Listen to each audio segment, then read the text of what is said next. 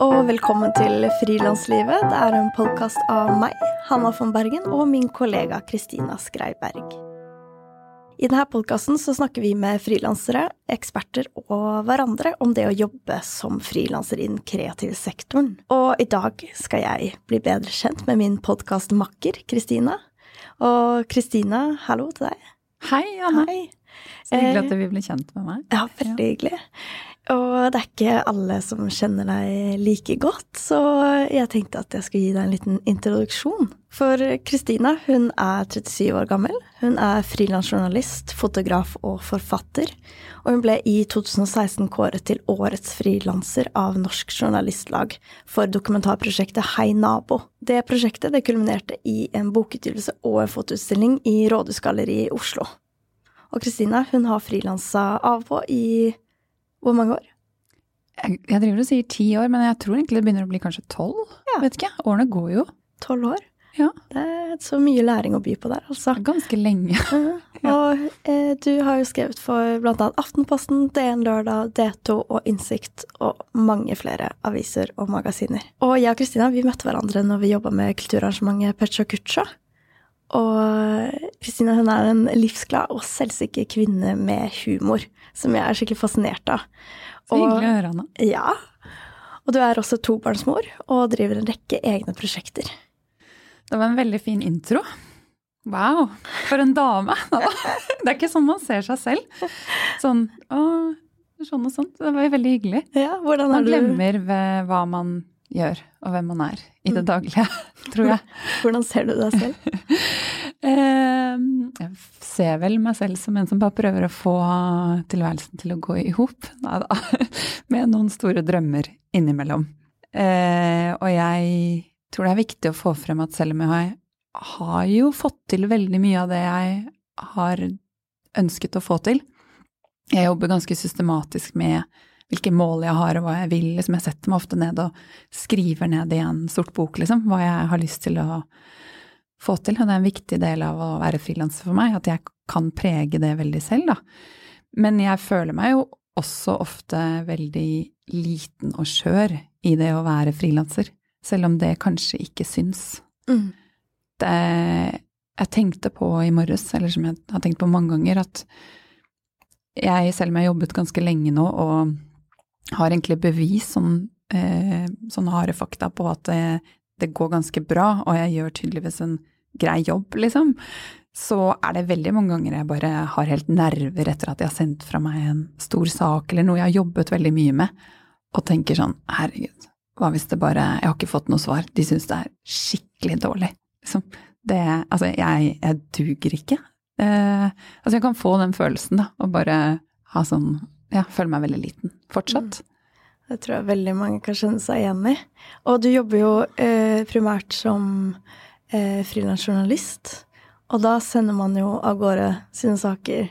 Og hvordan, hvordan får du feedback, på en måte? Det, hvordan oppleves det å skulle sende, og så ser du det i trykk? Og så Det er jo veldig annerledes enn eh, å spille en konsert hvor publikum er til stede når du fremfører det du jobber med. Ja, altså noen ganger er man jo så heldig at man på en måte sitter på trikken og noen leser avisa, på en måte. Eh, eller det var kanskje mer før, hvor folk faktisk leste aviser. Eller magasiner på trikken. Eh, men eh, altså det er litt sånn gøy. Eh, eller at noen kommenterer det, eller man ser nå at folk deler det mye i sosiale medier, eller at det, det syns på en måte at det blir lest. Men allikevel så er jeg jo ja, veldig lite i kontakt med publikummet. Eh, så det er jo kanskje en litt sånn utakknemlig oppgave, fordi du får sjelden høre at eh, du, den saken betydde noe. Eh, og som frilanser får man veldig sjelden også eh, feedback fra de som sitter inne i redaksjonen. Fordi eh, ja, hvis saken kom på trykk, så var den sannsynligvis eh, superbra. Og det er kanskje feedback nok, og jeg har de på en måte sjelden på en måte tid til. da. Mm. Det, det er jo klart det. Jeg er kanskje bakerst i deres hode. De de ser er jo de de har foran seg hver dag. Som forhåpentligvis får feedback. Mm. Så det er ganske lite av det. Men det, de få gangene jeg får det, så putter jeg det i en egen sånn mappe i innboksen eh, og sparer det til en dårlig dag. Eh, og så har jeg delt kontor eh, med andre, og derav det har vært en annen journalist som har sittet eh, en veldig god eh, kollega, frilanskollega, som heter Ingvild Telle. Vi har delt kontor i åtte-ni år. Eh, og vi, det, altså vi, leser hverandres saker veldig mye og gir hverandre feedback. Så det tenker jeg er veldig, veldig lurt å finne sånne mennesker som du kan støtte deg litt på, både psykisk og faglig. Det høres veldig lurt ut. Og nå snakker du litt om ja, hvordan jobber du som frilanser for å lage et slags sånn støtteapparat og kollegaer, da, hvor man kanskje ikke har nødvendigvis eh, kollegaer i samme bedrift. Så kan ikke du fortelle litt mer om hvordan, ja, hvordan er hverdagen din som journalist? Ja, eller det der med å finne støtteapparatet har jeg vært veldig bevisst på fra starten. Altså jeg var eh, studert i London og så etter det, etter fire år i London, bodde jeg et år i Nå ble det lang, lang historie. Et år i København, og så kom jeg hjem, og så merket jeg at det, det, det, som, det å være frilanser eh, og sitte alene, det er ikke appellerende for meg. Jeg har ikke lyst på et ensomt eh, sitte hjemme-liv. Eh, selv om jeg er ute på farten og snakker veldig mye med mennesker, så har jeg lyst til å ha Jeg er sosial og har lyst til å ha et miljø rundt meg. Så det jeg gjorde da med noen andre, var å skape et frilanskollektiv selv. Hvor vi pusset opp et lokale og eh, ja, spredde det til alle fine folk vi kjente som frilanset. Og det ble et sånt miljø hvor det var illustratør og grafisk designer og fotograf, og eh, vi var fra mange forskjellige bransjer, som jeg syns er helt supert, og som jeg kanskje trives best med, å ha forskjellige mennesker rundt meg. Eh, men, eh, så det har vært veldig, veldig viktig for meg. Men akkurat, og det har jeg vel gjort hele veien, sittet i et kontorfellesskap. Bortsett fra det siste halvåret, hvor eh, som jeg kanskje har følt de siste par årene at det er litt unntakstilstand, fordi jeg har Nå har de blitt tre og fem år, mine to jenter. Men jeg kjente at um, det å ha et kontor, og det å ha plutselig syke barn, eller ha masse jobb, eller jobbe med deg med podkasten en dag i uka, og har veldig mye som jeg skal. Eh, da ble det kontoret en dårlig samvittighet, hvor jeg følte at mm. jeg kommer meg aldri dit. Ikke sant, Så det blir noe som eh, skal vi si, tar, tar energi istedenfor gir energi? Ja, så det, jeg måtte bare kutte det ut en periode og sitte hjemme. Så jeg har sittet hjemme siden altså i fem måneder nå. Wow. Hvordan er uh, forandringen? Det, jeg, jeg, var litt redd for at jeg ikke skulle like det, men det har vært utrolig godt. Fordi uh, akkurat der jeg er i livet nå, eh, så trenger jeg å kunne sette på en klesvask om morgenen og bare henge den opp mens jeg spiser lunsj, og så fortsette å jobbe og få eh, hele hverdagslogistikken til å gå i hop. Mm. Så jeg har liksom alltid vært sånn Nøkkelen til et lykkelig frilansliv er å lytte på frilanslivet. Nei da. Det òg. Snikreklame. Snikreklame. Nei, er å skaffe seg kontor og en heiagjeng og gode kollegaer. Eh, så du har eh, andre som deg rundt deg. Men så ser jeg at eh, for min del så Det er nøkkelen til et lykkelig liv for meg. Så jeg skal ha, et kontor igjen om noen måneder sannsynligvis. Men alt i livet har sine faser, da. Så jeg har på en måte tatt noen steg tilbake det siste året og bare Nå prøver jeg å gjøre det som er litt lett, og ikke slite meg ut. Fordi jeg har. Men jeg kjenner at eh, jeg begynner å bli klarere og klarere for å liksom hoppe opp og opp på hesten igjen, som man sier. Apropos faser, du har jo frilansa lenge. Jeg leste også en tittel i et intervju i Journalisten, så sto det 'Helt siden tenårene har Kristina Skreiberg drømt om å bli frilansjournalist'. Så har det vært en drøm lenge? Og jeg bare kødda. Ja da. Tenkte det ble en god tittel, liksom. Ja, det hørtes bra ut.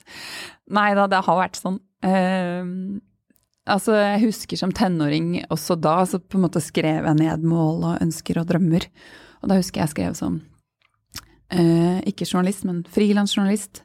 Slash uh, noe med design, noe med musikk, eh, slash foto så jeg ville bli en sånn slasher, på en måte, hvis man kan kalle det det. Og det har det jo blitt litt òg. Og det Jeg har designet smykker og skjerf som har blitt solgt til butikker. Jeg har DJ-et i Gambia og New York og København, og jeg har eh, eh, ja, begynt å fotografere masse og ja, så jeg har gjort eh, de målene man skriver ned, det blir til noe, vet du. Blir det det? ja, det gjør det. Det gjør det. som bringer meg til hva jeg på en måte tror veldig på, da. At eh, jeg tror veldig på den kraften vi mennesker har. Jeg tror på en måte ikke bare på meg selv, og eh, ikke misforstå, for jeg tviler veldig mye på meg selv også. Men jeg tror eh, helt objektivt sett at alle som jobber veldig hardt for et mål, og liksom ser for seg det målet, og dit skal de uansett, uansett hvilke vei, altså omveier det tar, hvor lang tid det tar, men man har den, liksom, det klare målet som man jobber mot. Eh, jeg tenker at eh, vi alle mennesker klarer det man Eller jeg tror på oss mennesker, da. At vi klarer det vi eh, drømmer om og jobber for. Så, og det er litt sånn grunnen til at jeg er frilanser, fordi jeg har veldig lyst til å jobbe for Eller leve drømmelivet, da. leve ut drømmene. På en måte så høres det ut som du virkelig visste hva du ville, eh, men samtidig så vil det bli mye forskjellig. Har du noen gang hatt en konflikt med å drive med ulike ting parallelt? Ja, jeg tenker at vi alle har et eller annet som vi går og på en måte Jeg vet ikke om det er riktig å si klandrer oss selv for, men tenker at sånn Å, hvis jeg bare hadde vært sånn, så hadde det vært så mye lettere, eller å, jeg har den lasten, eller det er så irriterende at jeg er sånn. Og for meg har det vært den tingen at jeg vil veldig mye, og at jeg har spredd meg ganske mye. Det har vært min sånn eh, Å, hvis du bare liksom klarte å bare roe deg ned noen hakk og satse på én ting, eh, da hadde det gått så mye bedre, på en måte. Og så hadde jeg et lite oppgjør eh, med meg selv for eh, vet ikke, midten av mitt frilansliv. Og jeg bare Nå må du slutte eh, å holde på sånn. Fordi det er det du vil.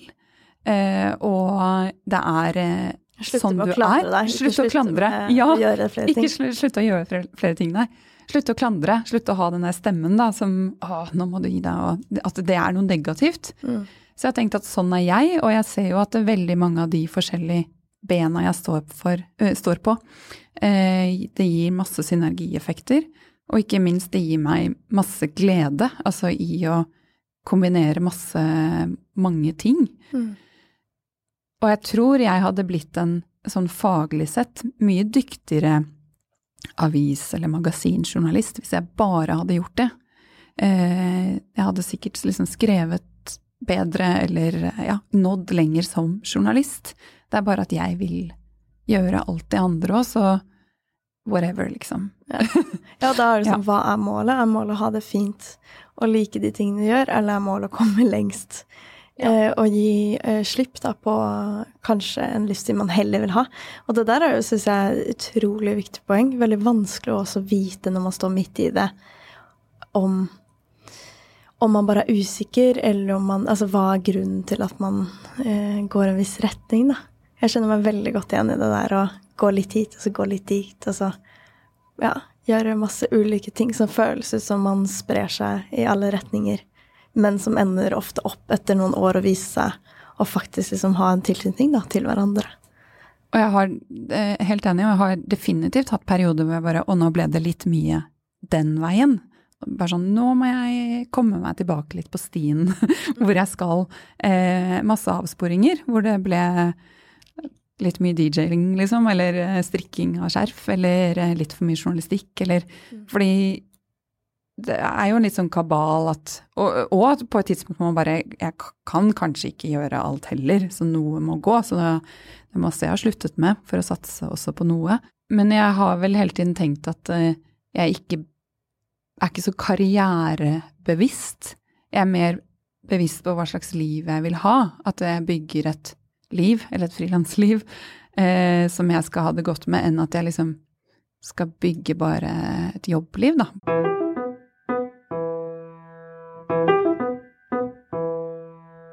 nå etter veldig mange år med å ha gjort veldig mye forskjellig eh, fra start til nå, eh, er eh, at jeg ser at egentlig kommer alt sammen. At jeg nå får prosjekter hvor jeg, hvor jeg, får brukt hele meg. Og det er sånn jeg har nettopp fått et bokprosjekt i hendene mine, hvor jeg skal være redaktør, jeg skal gi den ut, jeg skal sende den til trykken, skal ha dialogen med grafisk designer, jeg skal fotografere og skrive den, og det blir et sånn stort apparat. Og jeg ser jo at det er jo fordi jeg har Eh, erfaringen fra alle disse sidene. At man kan påta seg ting hvor, som du blir en litt sånn ja, istedenfor å ha én rolle, så blir det et lite maskineri, da. At jeg er eh, en liten bedrift det egentlig kunne vært fem stykker i. Det er bare mm. at jeg Nå kan jeg alle rollene. det er veldig viktig. Jeg har en kompis, jeg vet ikke om jeg har sagt det her før, men han studerte musikkvitenskap, religionsvitenskap øh, og møbelsnekking. Altså møbelsnekker. Og så veldig sånn tilsynelatende veldig forskjellige typer ting.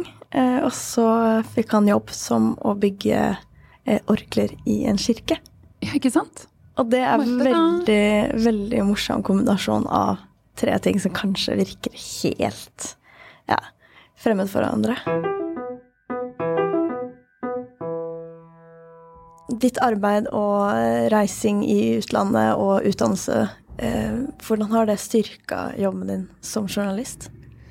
Jeg tror kanskje den utdannelsen, utdannelsen i London, eh, det viste meg tydelig at eh, her måtte jeg liksom ikke være høylytt, men jeg måtte på en måte utmerke meg litt da, for å synes i mengden. for man ble liksom ikke dulla med på det studiet der. Eh, man måtte Man fikk liksom ikke hjelp eller eh, ble lagt så mye merke til hvis man ikke krevde det litt, da. Samme med London som by, at du, du må på en måte Du må jobbe ganske hardt for å få det internshipet du ønsker deg, eller ja, få de jobbene du vil, for det er så mange om beinet. Og det inspirerte meg veldig. Altså, man kan Jeg kunne ikke være passiv. Og det jeg har vel ganske tidlig vært en som liker å ta initiativ, og det kanskje det å være i en storby liksom lærte meg. Og at det kanskje har gjort at jeg har blitt litt uredd, det, og at jeg tør å tenke litt større. Jeg, jeg, jeg, tror det er veldig, veldig lite jantelov i meg, og kanskje det har med at jeg liksom har bodd litt ute. Ja, for hvordan eh, Det virker jo som en veldig god kvalitet som journalist. Og, hvis, og det gjelder jo frilansere generelt, at det er veldig vanskelig å sette i gang noe eget hvis du selv ikke har tro på at det er bra, da, og det kommer til å fungere, og at du fortjener å gjøre det, og ha kapasitet til å gjøre det bra. Ja, og ikke være så redd for hva som skjer, eh, uavhengig av hvordan det går. Altså Da jeg bodde i London, så uh, første året på studiet, så husker jeg satt og drakk øl med noen venninner. Og så um, for å få seg arbeidserfaring, da, når vi var veldig keen på, så var liksom alternativet kanskje, hvis du var heldig, få en jobb som sånn intern i et av magasinene eller avisene og koke kaffe. Eh, jeg bare ah, pokker, jeg gidder jo ikke å gjøre det, liksom. Hadde gjort det en periode. Og så vi bare, skal vi ikke bare lage et magasin selv? Vi lager et gratismagasin for Øst-London. Og neste dag så bare Hun ene falt av, men to av oss, vi fortsatte. Eh, så neste dag satt vi oss ned og begynte å jobbe med det magasinet.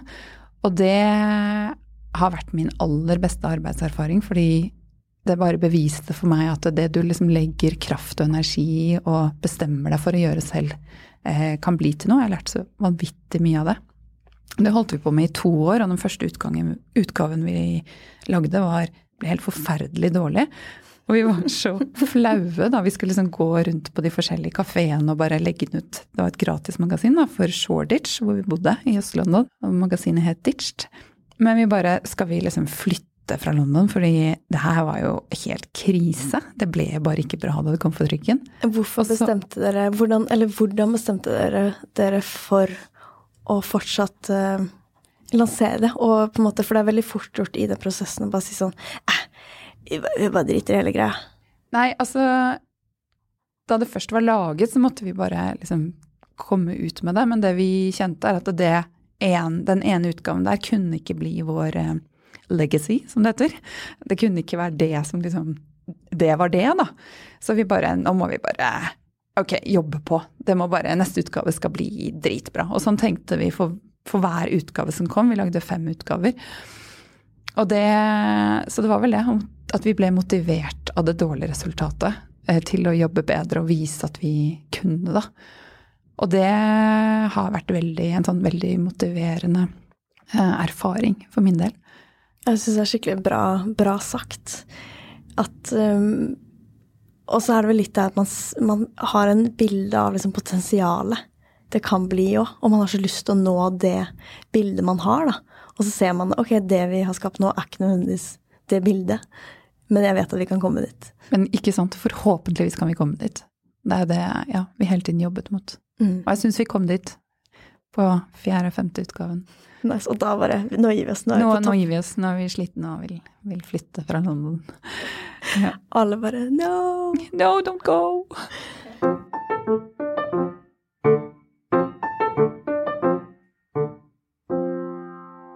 Hvordan merker du forskjellen fra når du starta ut til nå? Hva er på en måte hva er den største forskjellen i hvordan det oppleves å frilanse for deg? De første årene var en eh, kraftig oppoverbakke. Bestige Kilimanjaro, liksom. Eh, da, men jeg var veldig sånn Jeg visste at det sto på mitt initiativ, og at jeg måtte være den som sendte e-poster og banket på dører og ringte og eh, tok initiativ til møter. Og det tror jeg jeg gjorde de første to årene eh, nesten hele tiden. Og jeg tjente, jeg vet ikke, 100 000 eller noe sånt i året.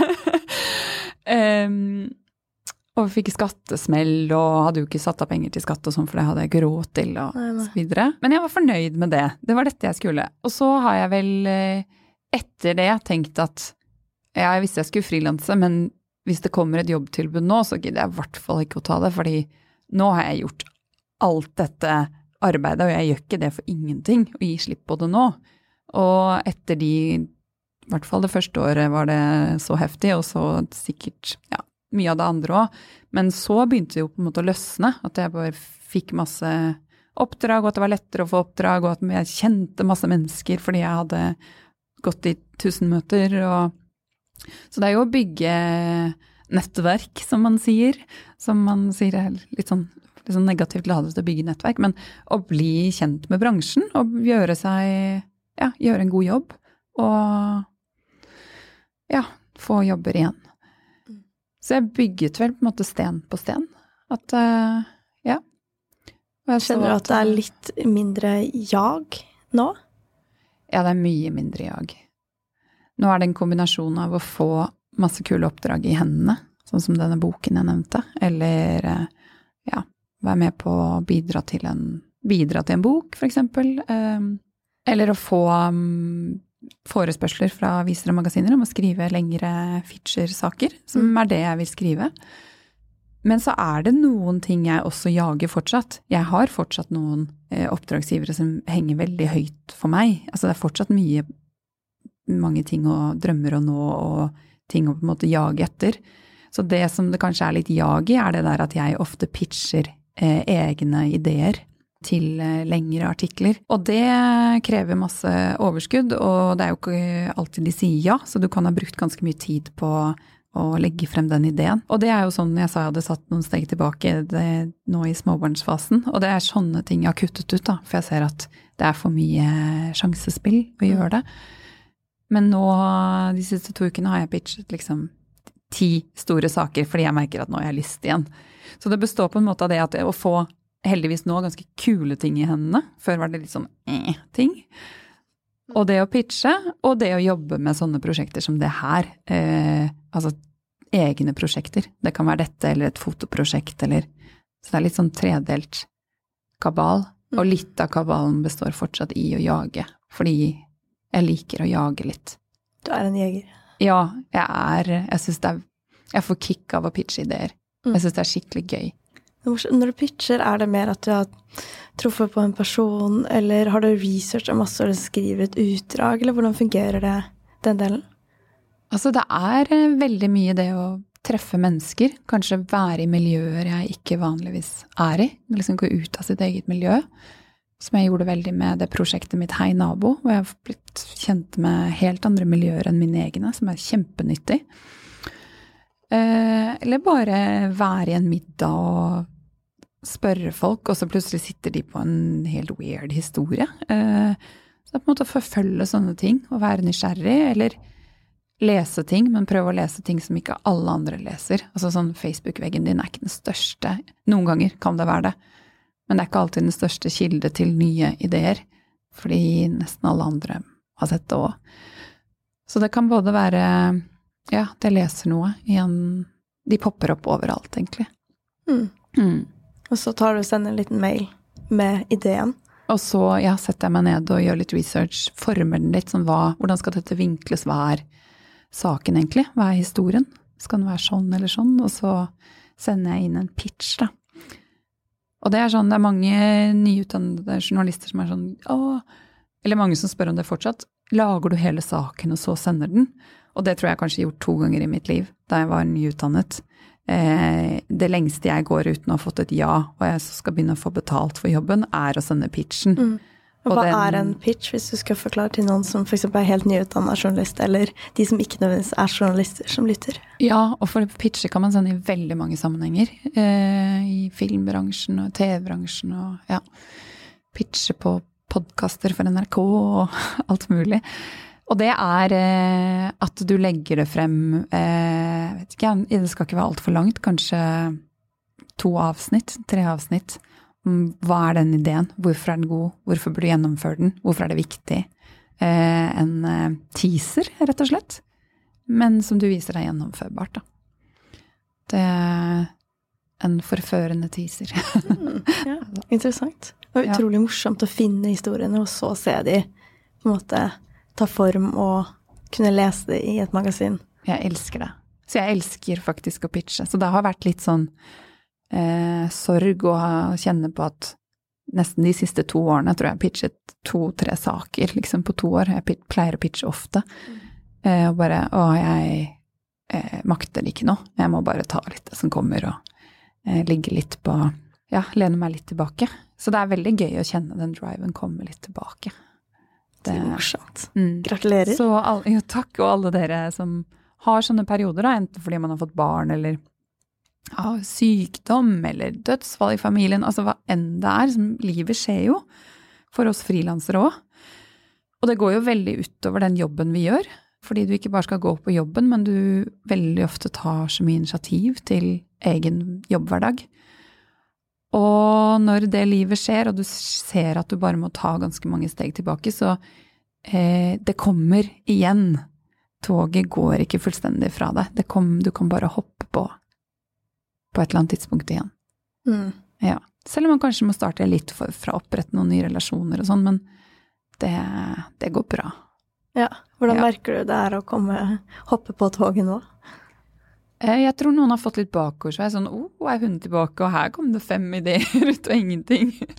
Eh, men det er ikke så farlig. Eh, det er litt gøy å ta litt sånn ta pusten fra dem. Nei da, det tror jeg ikke at de gjør. Bare tuller.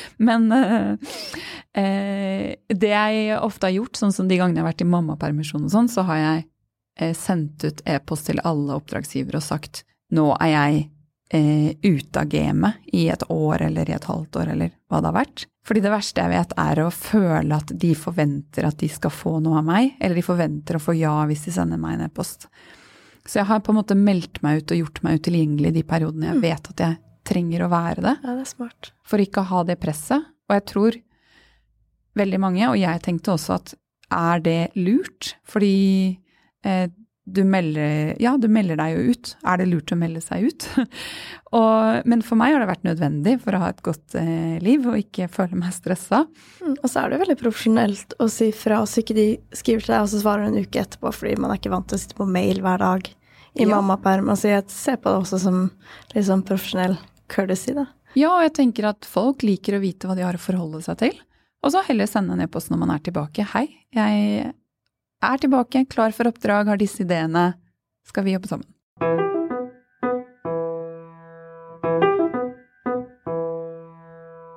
Hva er det du liker best med å frilanse?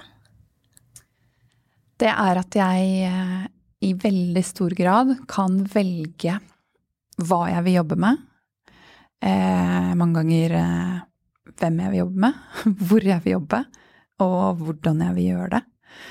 Som har enorm verdi for meg. Eh, jeg føler at jeg kan påvirke hverdagen min i veldig, veldig høy grad. At det er veldig mye handlingsrom. Og det at jeg ikke helt vet hva jeg skal gjøre neste måned, syns jeg bare er utrolig befriende. Jeg ser ikke på det som angstfylt i det hele tatt. Gjorde du det når du var yngre, og på en måte starta ut? Ja, det var den samme At det er det som gir meg verdi. Og det er jo Når folk spør meg om det, så er det ofte at jeg svarer at det, det er frihetsfølelsen. Men det tror jeg kan bli misforstått. Eh, hvor folk kanskje tror at jeg har behov for å bare liksom flagre rundt som en fri fugl og ikke ha noen forpliktelser. Men det er ikke det frihetsfølelsen handler om for meg. Det handler mer om at jeg kan velge eh, prosjekter, jeg kan velge eh, ja, kraft og energi og hva jeg putter i de forskjellige prosjektene, og at jeg kan velge å jobbe beinhardt. Eh, og at jeg kan skape mine egne rammer, da. Jeg skaper meg veldig tydelige rammer for å kunne ha den friheten innimellom rammene.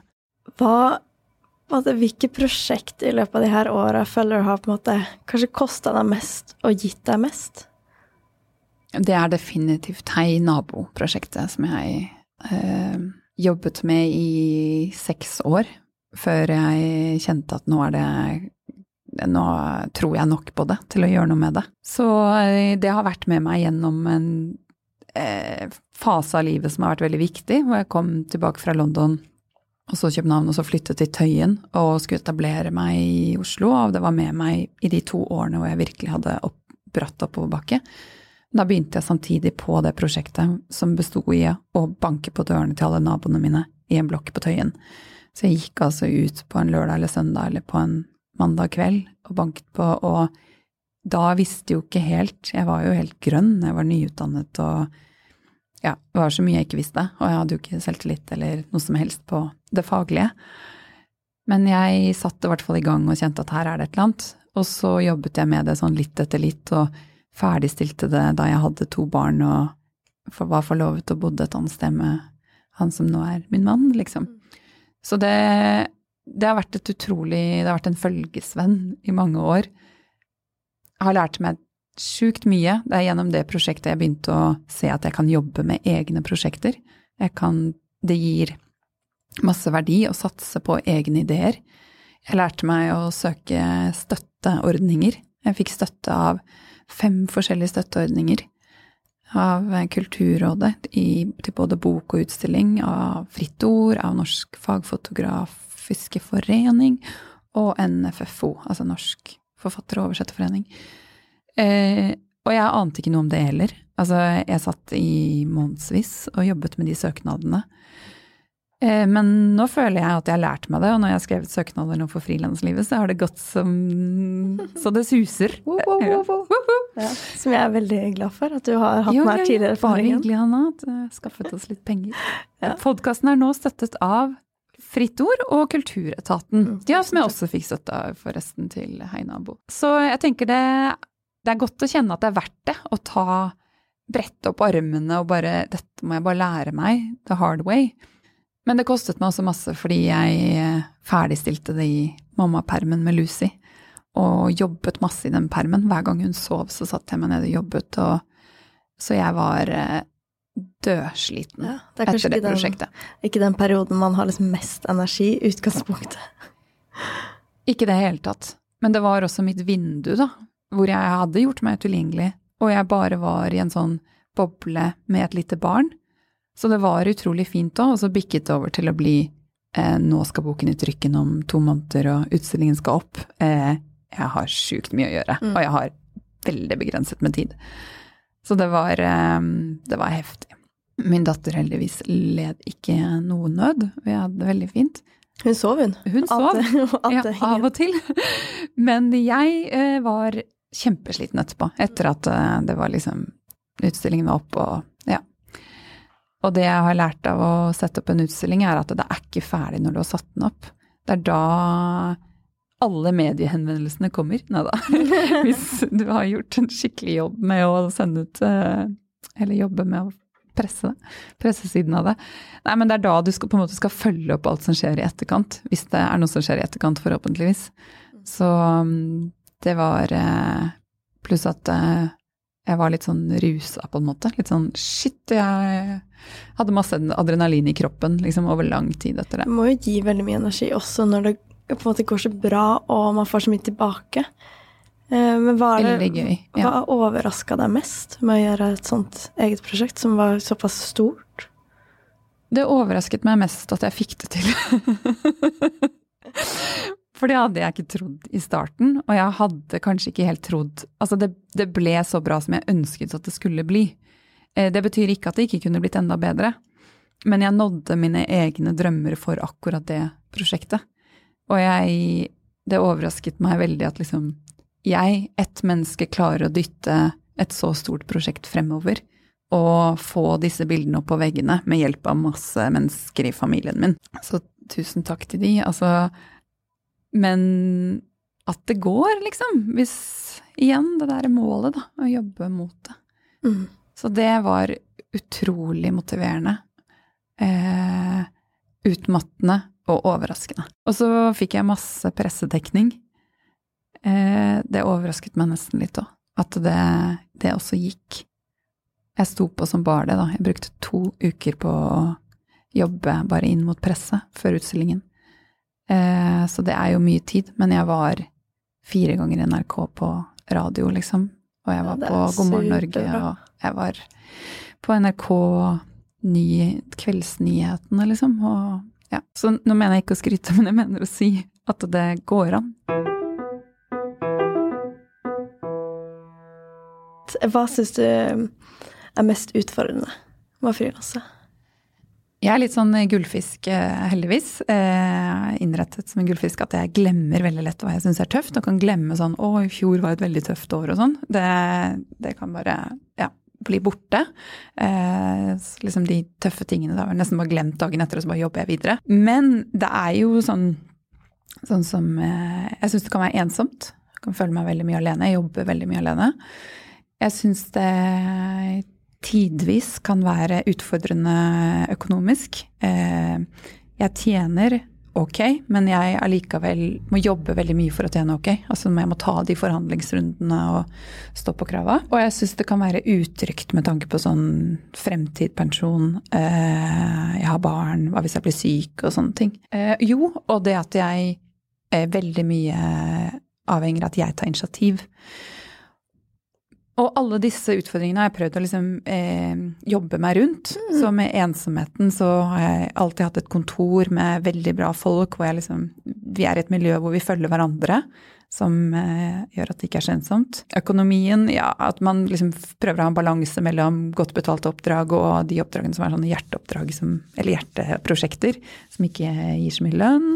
Eh, utryggheten, da har jeg etablert AS, eh, fordi det gir meg mer mental ro og trygghet. Og det å ta initiativ, det må jeg bare leve med. Men det er jeg veldig glad i. Vanskelig Men jeg syns det er tøft i perioder hvor eh, kanskje Altså i fjor var jeg, hadde jeg kyssesyken i flere måneder, og så komme tilbake etter å ha vært liksom syk eller jobbe 50% men ta masse initiativ samtidig, eller hvis man eh, Vet ikke, hvis det er andre ting som skjer i livet, så preger jo det eh, hvor eh, Ja, hvor mye initiativ og tak du har i deg, liksom.